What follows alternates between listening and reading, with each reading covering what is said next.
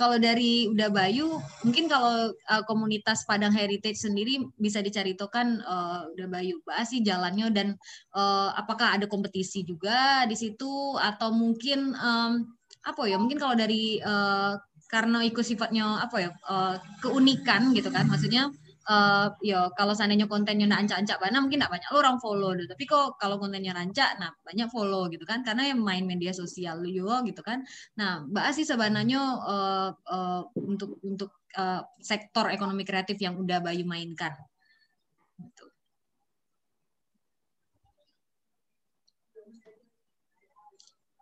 Maaf udah mic-nya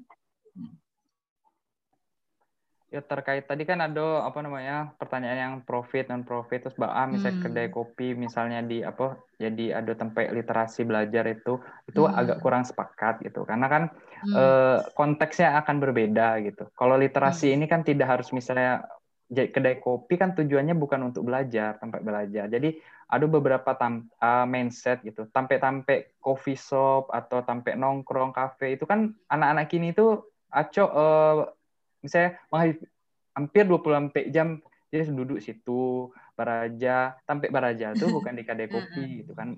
Agak ada pergeseran gitu pergeseran uh, budaya gitu kan. Anak-anak kini misalnya ayolah pai uh, ke kedai kopi kok uh, nongkrong lah siko misalnya pai ke uh, ini brand Iko brand Iko gitu kan. Ada misalnya hmm. fast food Iko fast food Iko uh, banyak tuh kan nongkrong situ. Hmm. nanti pernah viral kan itu kejadian bahwa ada orang dia uh, ketawa ke TV di berangan sama orang yang lagi belajar.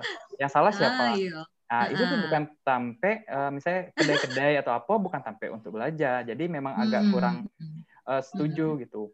Cuman tapi ada beberapa teman-teman uh, kini mulai merubah mindset gitu. Misalnya hal-hal uh, tampe-tampe tertentu bisa kita manfaatkan untuk misalnya belajar tertentu. Misalnya di di iya. Padang kok ada beberapa kedai kopi yang memang bisa untuk uh, pengembangan ekonomi kreatif. Misalnya pelatihan hmm. ini edukasi ini yeah. edukasi itu mengadakan pelatihan. Misalnya kayak di uh, Kopi Batigo kan acok kita buat kegiatan. Misalnya ada seminar ada apa kita memanfaatkan yang biasa seminarnya di ruang-ruangan yang kaku kini kita uh, alihkan ke ruang-ruangan yang memang kekinian. Hmm. banyak kegiatan-kegiatan ekonomi kreatif dilaksanakan di misalnya Kopi Batigo gitu. Ada juga kawan uh, kedai kopi yang memang dia uh, menitipkan beberapa buku di situ. Ada misalnya uh, pusat apa namanya?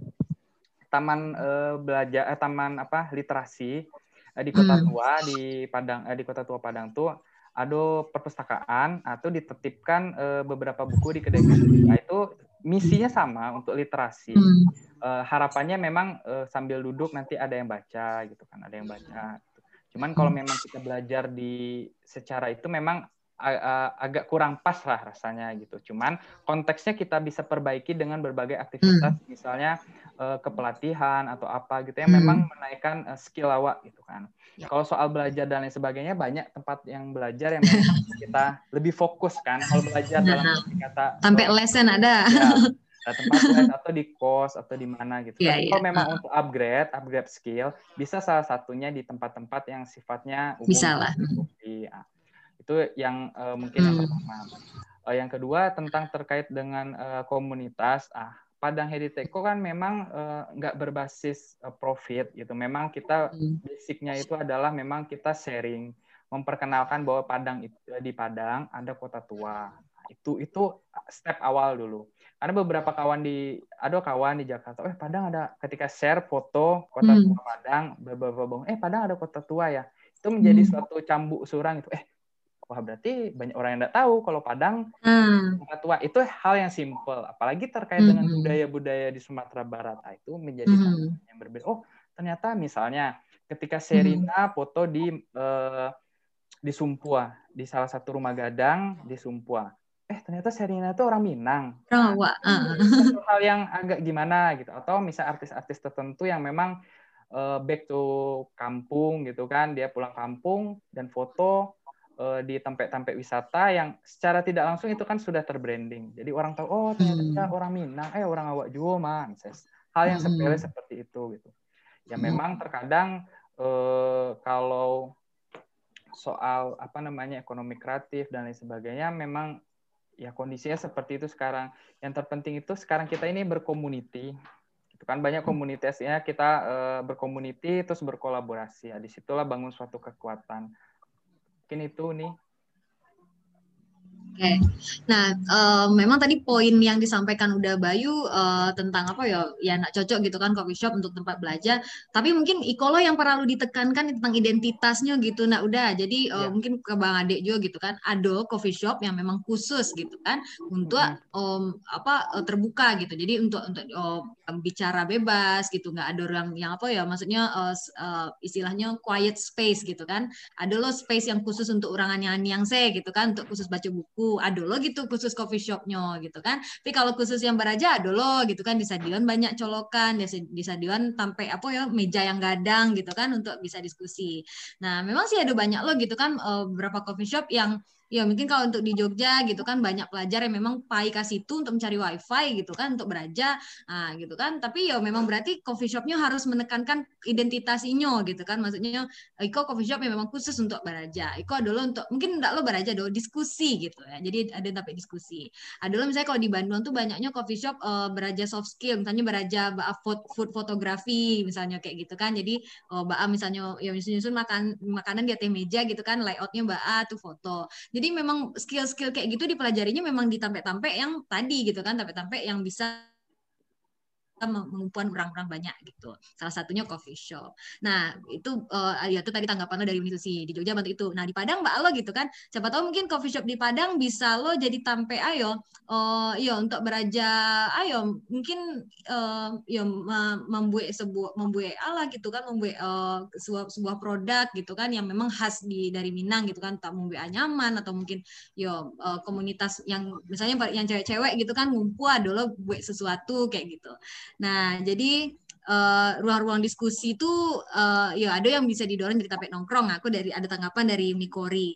Nah, biar anak-anak muda kok nak canggung gitu untuk kolaborasi dan bisa bahas isu-isu tertentu gitu. Jadi uh, coffee shop bisa jadi tampean yang anyang, bisa lo jadi tampe untuk diskusi heboh-heboh gitu kan. Nah, jadi uh, apa uh, bisa bisalah disesuaikan gitu sama uh, uh, marketnya. Nah, Um, kini awak masuk ke pertanyaan dari, uh, kok ada pertanyaan dari uh, Uda Arif. Nah, acok bana terjadi pertentangan antara pengembangan dunia kreatif dengan menjaga nilai-nilai budaya. Uh, tapi ya misalnya di tourism tuh contohnya di Arau gitu kan, uh, banyak komen-komen yang negatif bah kok aduh bentuk Korea-Koreanya, Eropa-Eropanya gitu kan. Padahal kan itu lah ayo wisata alam awak gitu kan. Tapi bah kok di di apa ya dipengaruhi gitu sama budaya-budaya dari negara lain gitu. Apakah ya apakah itu tuh menjadi daya tarik yang sabananya atau bah gitu. Nah, silakan ini tanggapi dari Bang Adek dulu. Ya, Uh, balik dari itu tadi, uh, bahwa menjalankan bisnis awak, uh, tentu yeah. awak kalau melakukan satu usaha bisnis itu kan, awak perlu dulu apa dulu segmentasi awak, target awak seperti apa. Yeah. Mm-hmm. Nah, uh, segmentasi tadi awak mau uh, sampai uh, literasi, sampai diskusi atau mungkin kopi shop yang aneh-aneh yang itu tergantung yeah. dari segmentasi yang awak ya. Nah, itulah mungkin dari kolaborasi dari kawan-kawan bersama-sama kopi shop itu bisa bisa saling berdiskusi.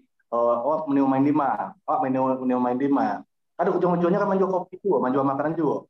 Mungkin kalau ya. kopi dan makanan itu seluruh kali kopi satu-satu itu sama rasanya satunya.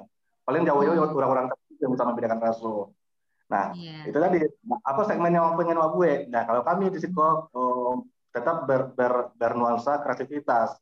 Bahkan yeah. kami uh, sedang merancang ini order kampe, cuman agak terpending karena situasi pandemi ikut. Kami akan membuat kafe shop kami itu ber, ber, ber, ber apa bertemakan dengan budaya malahan. Budaya hmm. karena itu budaya Kuranji. Nah, di situ kami akan di kali kopi kami itu akan membuat arena si Parago, membuat oh, sasaran silek di situ sampai hmm. oh, main-main permain lamu. Jadi oh, yang hmm. si kopi itu kan mailia bis usaha apa pendapatannya lain. Baru membuat mendatangkan yeah. orang. Nah, itu ide-ide hmm. Oh, konsep segmentasi tadi yang perlu Pak Pak rumuskan dulu Nah itu tadi dari tiga orang tiga di kopi itu pasti punya karakter masing-masing beda-beda, punya punya oh, jagoannya apa di bidangnya masing-masing gitu. Nah jadi nggak usah takut ya, dengan dengan kayunya Sumatera Barat itu apa tadi ada katanya dan sampai merusak identitas awak tadi kalau kenapa harus ke barat-baratan kali kopinya ya sebenarnya yang lo gali di, di Sumbar itu banyak. Mungkin kopi kan mungkin kalau kolaborasi kan dengan kue mangkuk tadi mungkin atau dengan kue, kue apa bumi segala macam. Nah itu yang alun nam, alun nampak detail dan sama Mas Pede alun bisa menyentuh kuliner-kuliner kue-kue lokal awak gitu. Nah banyak ini kan main sama burger, sama apa, sama pizza dan yang lain gitu ya. Nah artinya masih banyak peluang-peluang yang bisa garap dan itu sangat terbuka sekali. Oke, ya, silakan lanjut. Udah Bayu, makasih udah oh, Bang Ade. Uh, udah Bayu tanggapannya tentang hal Iko. Ya, Iko sebenarnya agak sensitif sih kalau permasalahan hmm. Iko karena ini uh, masalah terkait dengan perut gitu kan. Maksudnya artinya tentang dapur gitu. Kenapa orang bikin ini, kenapa orang bikin itu? Ya memang itu segmentasinya. Ketika semula awalnya memang agak kurang sepakat dengan apa kondisi seperti itu. Tapi tapi di satu sisi ini karena untuk hajat hidup orang banyak sudah terjadi dan memang kondisinya seperti itu.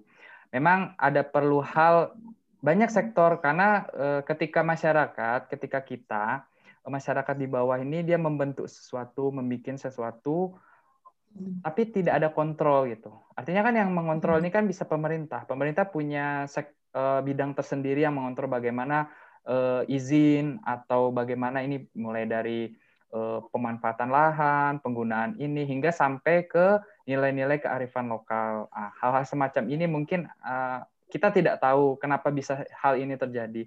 Oh kita lihat nggak hanya di Sumatera Barat, di tempat-tempat lain pun ada. Misalnya sawah dicat warna-warni.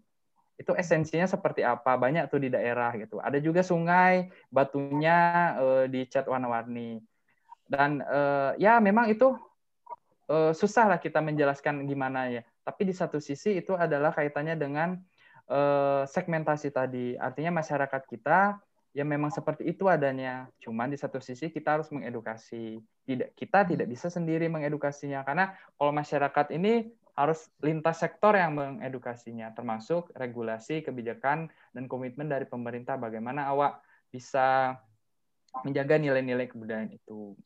Sekarang contohnya, bagaimana awak bisa menjaga nilai-nilai kebudayaan di muatan lokal aja nilai-nilai kebudayaan aja sangat minim. Itu hal yang sangat kontras. Belajar BAM aja BA uh, kelasnya di sekolah, apalagi implementasi di lapangan gitu kan. Untuk hal-hal yang sejak dini aja kita sudah mulai minim, apalagi ketika yang real sekarang ini bagaimana kita menjaga sile, bagaimana menjaga randai, bagaimana menjaga kuliner-kuliner Minang, identitas identitas Minang yang nanti mungkin diakui sama eh, bangsa-bangsa lain. Nah, itu banyak dan kaitannya itu kompleks dan itu tidak bisa kita lakukan sendiri. Tapi kita harus bersama-sama menjaganya itu. Tentu dengan komitmen bersama. Kalau dari sendiri sih mungkin dari komitmen dari uh, pemangku kebijakan. Karena di situ dia punya power. Awak ini tidak, misalnya kita masyarakat umum tuh hanya sekedar berceloteh gitu, hanya mengungkapkan ah ini itu itu itu. Cuman kalau nggak ada power dari uh, pemangku kebijakan, tentu nanti akan hilang seperti itu aja. Apalagi berganti pemimpin, ah, berganti pula polanya. Dan itu akan menjadi semacam uh, bola es nantinya, bola uh, salju besar nanti yang memang ya beginilah Sumatera Barat ke depannya. Mungkin sekarang bisa kita jaga, tapi ke depannya kita tidak tahu seperti apa Sumatera Barat. Khususnya bagaimana budaya awak di Minangkabau. Kalau kita nggak bersama-sama untuk menjaganya dari kini. Mungkin itu, Uni. Oke. Ya, terima kasih um, udah Bayu. Nah, tadi um, mungkin dari dari kasus yang di AGD tadi yo nggak bisa lo memungkiri gitu ya. Udah memang marketnya atau mungkin uh, ya masyarakat awak tuh memang ya sukunya yang kayak kayak gitu gitu. Dan ya buktinya rami gitu kan. Ya, uh, walaupun walaupun sabananya uh, walaupun misalnya harau tuh tetap sih bantu alam yang, yang biasa gitu kan tanpa adanya embel-embel Eropa Eropa atau Korea Korea tuh nyalah rancak juga gitu kan. Nah tapi memang lah ado ado memang bisnis gitu yang bermain di situ. Nah um, tapi ada lo ke pertanyaan yang uh, apa yang sempat dikumpulkan oleh uh, apa oleh tim Darah Muda Project uh, dari uh, ya dari netizen dan juga dari beberapa followers. Um, sebenarnya kan Aco kreativitas tuh uh, berhadapan dengan situasi pasar dan kadang nggak cocok gitu kan dengan identitasnya tuh. Nah, tapi Mbak Ayo awak nyojo kreatif gitu ha. Tapi kadang yo kadang tidak sesuai jo pasar. Atau mungkin ke pasar lagi tujuh gitu ah. Cuman tidak sesuai jo nilai-nilai Minangkabau doa ah, bah caranya untuk menyesuaikan antara kategoriko gitu ha. Uh, dan itu mungkin kayaknya permasalahannya bisa terjadi di banyak uh, eh misalnya di, di beberapa sektor ekonomi kreatif contohnya gitu. Misalnya uh, ikut seni koma gitu kece awak gitu kan. Tapi ya kece orang alun tantu itu seni ledo gitu kan. Alun tantu itu bisa sesuatu yang yang sesuai jo nilai-nilai uh, awak gitu. Nah mbak tanggapannya tuh bang Ade dulu. Silahkan Ade iya. Oh yang namanya seni itu pasti indah Nah, nah, nah boleh mengajar seni itu purwa. Karena indah itu tergantung dari sudut mana yang melihatnya dan siapa yang melihatnya. Orang kan punya punya lidah masing-masing, punya hobi masing-masing, punya selera masing-masing. Dan itu tidak boleh kita, awak-awak gaduh-gaduh itu. Oh, kini bagaimana apa pun termasuk seni itu mau dari luar maupun dari dalam atau budaya sendiri itu sebenarnya memang harus harus selagi positif itu harus di kita kita, kita jalankan Oh, kini baca rumah imbangnya oh, siraman budaya atau seni dari luar itu terimbangi dengan oh, kearifan lokal awak. Dan itu oh, ya itu tadi yang mengecewakan oh, oh, seperti kawan-kawan awak di kampus banyak mana itu. Para para lulusan tiap tahun mereka lulus dari ruang untuk pelaku-pelaku itu boleh jajan sangat mereka tidak bisa untuk ber, sehingga mereka tidak bisa. Halo? Ya silakan udah memang tadi agak putih-putih tapi bisa tetap lanjut.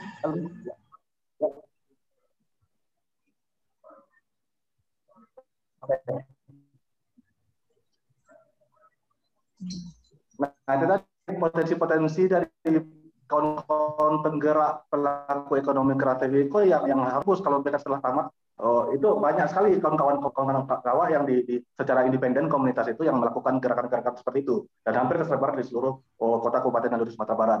Contoh saya yang Sabu itu oh, contoh kawan-kawan di Pariaman itu mereka punya punya kegelisahan.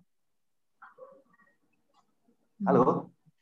Ya, halo, silakan udah. Ya. Ya, oh, mereka kawan-kawan Pareman itu gelisah karena oh, dengan oh, lari hilangnya oh, aplikasian budaya yang ada seni, seni tradisi yang ada di daerah mereka. Dengan maraknya setiap barale-barale itu organ tunggal. Nah mereka oh, dari dari kawan-kawan oh, sanggar-sanggar seni ikut bersatu mereka untuk meyakinkan bahwa seni tradisi yang dikelola sama milenial anak muda itu bisa bisa diterima dan mereka punya konsepnya sangat menarik sekali gitu. Uh, kalau mau boleh sabut uh, nama gerakan mereka itu Bata Jauh. Bata Jauh yang dikomandoi sama Ajo Ajo itu. Itu mantap sudah. Mereka bikin pagelaran festival-festival di antar negari. Bayangkan mereka bikin festival negari itu dengan biaya sendiri, dengan dengan uh, kekuatan mereka sendiri. Yang awal-awalnya mereka mungkin di Cimehe, uh, anak muda Cimehe kok Cimehe ditantang atau bahkan mungkin di yang semua sama orang kampung untuk acara-acara itu. Dan akhirnya dengan tahun yang kabara sekian tahun itu, akhirnya kini nagari-nagari itu makan baca ragu untuk mengadakan festival uh, di negari mereka masing-masing. Mereka bikin pola festival uh, secara julu-julu atau gotong royong. Misalnya di, di negari A, di acara seluruh negari lain yang tergabung di Bata Jauh itu akan ikut mensupport di acara di negari A tersebut dan begitu digilir secara menariknya. Itu karena pandemi saja, jadi gerakan itu agak terhambat. Kalau enggak tuh oh, kamu membayangkan sangat luar biasa oh, apa hasilnya. Bahkan yang wajahnya dari satu satu dari kawan Batajau itu ada namanya Sanggar Darak Madara tadi yang di Kota Pariaman. Yang itu anak-anak dari anak-anak mulai mereka di 10 tahun yang lalu itu 10 tahun mereka untuk merintis suatu gerakan seni tradisi mereka oh yang tadinya mereka di ladiang orang apa di kadek-kadek berang sama anak-anaknya yang yang nggak tahu ber, berkesenian kok ada nilai gitu kan. Dan kini alhamdulillah mereka sudah antri untuk untuk tampil bahkan sampai ke negari mereka itu dari ini mereka lah generasi ke 10 itu dari dari darah berdarah itu. Mengkombinasikan antara tambua, talempong dan dan musik oh, oh, modern.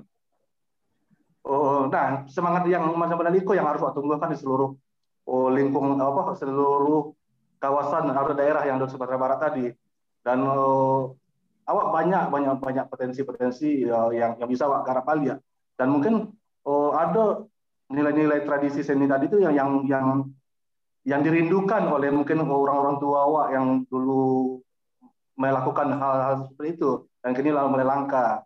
Oh, seperti mungkin kayak permainan gasyang. Nah, permainan gasyang itu kayak di kawan di Parit Malintang, mereka madu festival itu ya akhirnya yang tiba itu apa-apa, pejabat-pejabat yang mencibo merasakan mengambil gasyang sampai memainkannya. Bahkan ada yang yang main apa mau kayak lomba layang-layang dare dan lain-lain itu tadi sangat sangat banyak sekali itu yang yang harus diperkenalkan kembali ya. Nah, kan awal saja yang tingkat generasi yang mulai lah kata udah Bayu tadi oh, jarang melihat hal-hal seperti itu. Nah, apa generasi yang sudah awal itu?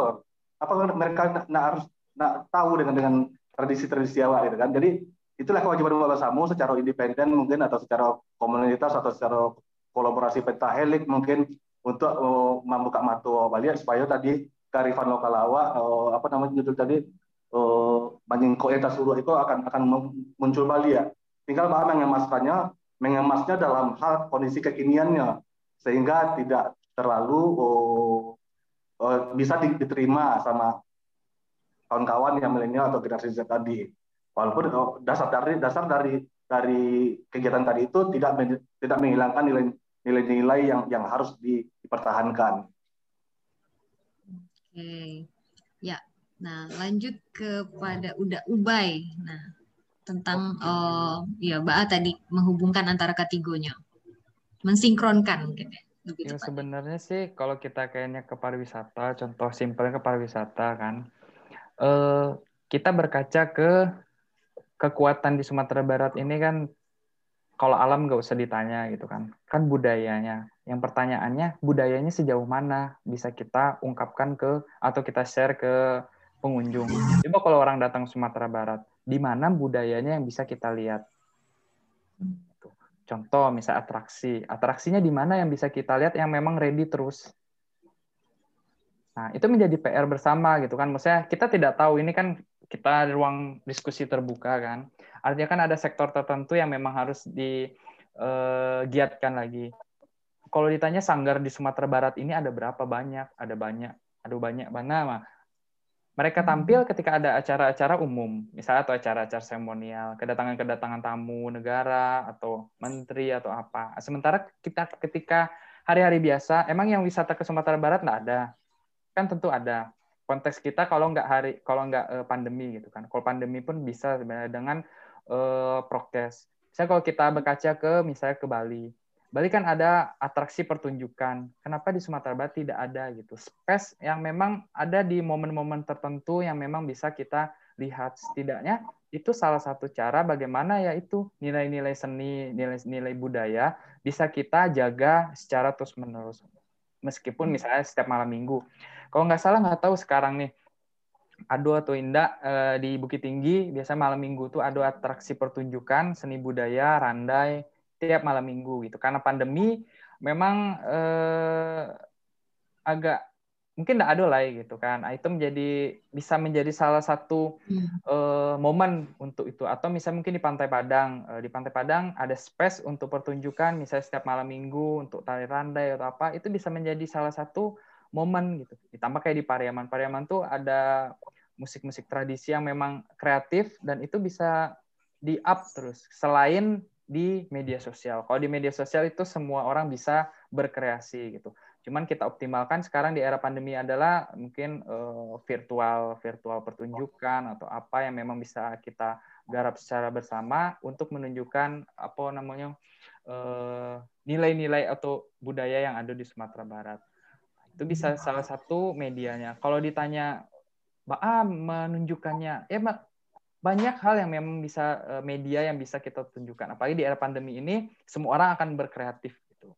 Apalagi di mm-hmm. secara uh, secara digital gitu kan, misalnya dimasukin ke YouTube, misalnya di Instagram, uh, video-video tuh ditampilkan ah, bisa menjadi salah satu itu. Cuman sekarang yang menjadi pertanyaannya, kalau orang Sumatera Barat kan, Dima bisa lihat pertunjukan-pertunjukan minimal randai atau tari piring yang bisa loncat-loncat pecah-pecah di uh, apa namanya di piring-piring uh, kacau-kacau tuh kan itu hal yang menjadi menarik ketika orang datang ke Sumatera Barat nanti orang bertanya di mana awak bisa uh, cari tari piring kalau di YouTube sih orang orang barale nak dah iyo kalau misalnya atau acara-acara uh, seremonial hmm. gitu kan kalau yeah. di YouTube dia yang orang datang ke suatu tempat itu atau melihat sesuatu itu experience-nya sama kayak ketika awak pulang ke kampung lalu di rumah gadang. Dan itu memang experience yang sangat uh, mahal. Dan itu memang udah jadi paket wisata kan. Ada daerah tertentu kayak misalnya di Seribu Rumah Gadang di uh, Rumah Adat Balai Kaliki atau misalnya di Kampung Sarugo di 50 kota eh 50 kota. Itu bisa di uh, di dikemas sedemikian rupa. Dan itu tidak bisa awak surang yang bisa mengemasnya. Tapi secara bersama-sama bisa kita lakukan itu. Cuman yang terpenting ada komitmen. Kalau memang awak memang ingin memajukan Sumatera Barat secara bersama-sama, ayo kita berkolaborasi gitu. Mungkin itu ini. Oke. Ya, terima kasih udah Bayu. Nah, uh, balik ke Bang Ade, uh, itu Ade dulu uh, Unikori ya unikori um, nya asli bumui uh, ngejaan kalau nongkrong di kafe tuh biasanya stigmanya negatif dah tapi di, di Kupi Batigo Talu Duo punya program ndak ada untuk pemberdayaan anak-anak muda nah jadi uh, jadi anak-anak muda di, di apa kok tapi anak-anak muda uh, agar terpan, uh, terpantik untuk berdaya melalui kehadiran Kupi Batigo di daerahnya gitu. Jadi uh, ya kok sebenarnya mungkin uh, tentang baa dampaknya dari adanya eh, kopi batigo di ke daerah yang ada kayak situ gitu mungkin um, silakan bang Ade dijawab dulu. Ya, oh, sesuai dengan dengan konsep kami, kami selalu ber, bergerak dengan kreativitas. Oh, hmm. yang kami lakukan di tadi itu uh, pertama tadi adalah baca membantu dari adik-adik awal di sini itu untuk bisa punya kegiatan oh, di luar jam sekolah mereka terutama waktu kemarin itu masih mereka alun sekolah alun bersekolah masih masih daring dar daring. Nah di situ kami ya di situ kami kami bahkan di situ membuat oh, semacam oh, komunitas kami namakan komunitas kreatif Kopi Batiko di situ kami mau itu tadi mengedukasi adik-adik tadi pertama bagaimana mereka mencintai lingkungannya. Bahwa area pantai mereka itu area kampung itu berhasil oh, memunculkan oh, rasa-rasa nilai-nilai itu ke anak-anak KT, anak SD itu. Oh, itu baca oh, melakukan dari sampah-sampah oh, laut mereka itu kami jadikan semacam merchandise. Oh, hmm. seperti gantung kunci dan lain-lainnya. Dan itu adalah kami lakukan. Jadi oh, hmm. karang-karang limbah-limbah laut, kayu-kayu laut itu yang yang di mata orang umum itu adalah tidak berguna, itu bisa kami jadikan menjadi merchandise. Dan itulah kami kemas, oh, kami packaging dan ini uh, ada beberapa outlet yang kami jual barang itu termasuk di salah satu toko uh, surfing di Kota Padang itu adalah kami jual. Cuman karena kembali dari masa masa pandemi dan di, yang alun ujung itu agak terkendala. Nah, di situ kami juga meraja anak-anak itu melukis, uh, menari. Bahkan kami di situ uh, rutin mengundang kawan-kawan pelaku seni budaya di Sumatera Barat seperti yang kami hmm. undang itu oh, Darak Badarak tadi, oh, hmm. oh Ajo Susandra Jaya yang oh, anggota dari apa namanya grup seni Minang itu hmm. Talago Buni oh bahkan uh, Jaguang Jaguang teman telempong yang lah main viral itu yang main ke acara Deddy Kobuzer di Putih ya nah, itu adalah kami undang untuk main-main oh, berbagi di Talago untuk anak-anak kampung dan orang-orang kampung sehingga terjadi hmm. motivasi mereka anak-anak kampung itu oh, punya punya punya motivasi untuk untuk bisa Karena, oh, itu tadi oh, daerah mereka itu sangat sangat indah dan dan banyak sekali yang harus digarap. Hmm. Bahkan kami saat ini sedang bagaimana cara mengelola oh, pantai laut mereka itu terumbu-terumbu karang yang rusak itu bisa waktu tumbuhan Bali ya. Dan itu akan hmm. kami sedang melobi ke kawan-kawan penggiat lain untuk bisa terwujud untuk mengedukasi. Bahkan kami mungkin mem mem memutarkan film-film oh, tentang hmm. desa nelayan atau kemaritiman untuk kampung tadi. Itu yang kami lakukan. Bahkan uh, yang rencana order kami yang ke Ampe itu yang di Lubuk Palari nama tadi, uh, itu tadi kami akan sanggar silik di sini. Kami akan menjadikan uh, ruang olahraga si Pak Rago yang malah dilupakan sama masyarakat. Bahkan mungkin main ginggong atau main main apa namanya main yeye main kaja ya misalnya di situ. Dan mungkin ya itulah bahas ya dikenalkan Bali lah ya permainan-permainan oh, orang-orang tua yang lama itu di, di, di zaman-zaman anak baru gini gitu.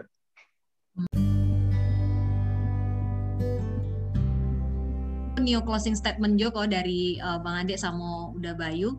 Uh, ya kalau untuk realnya misalnya untuk Padang Heritage atau mungkin dari um, apa ya uh, dari uh, Kupi Batigo dari uh, Bang Ade, um, mungkin satu atau dua cara yang bisa dilakukan oleh uh, sanak konektor Kiniko atau teman kawan-kawan Darah Muda Pro Project yang tergabung di diskusi ko setelah Iko gitu, setelah talk show ko, apa sih kira-kira yang bisa dilakukan setelah Iko gitu? Maksudnya yang bisa langsung gitu ya dan ada nampak uh, uh, ada dampaknya gitu antara so gitu. Mungkin bisa diagi saran uh, atau tips-tipsnya.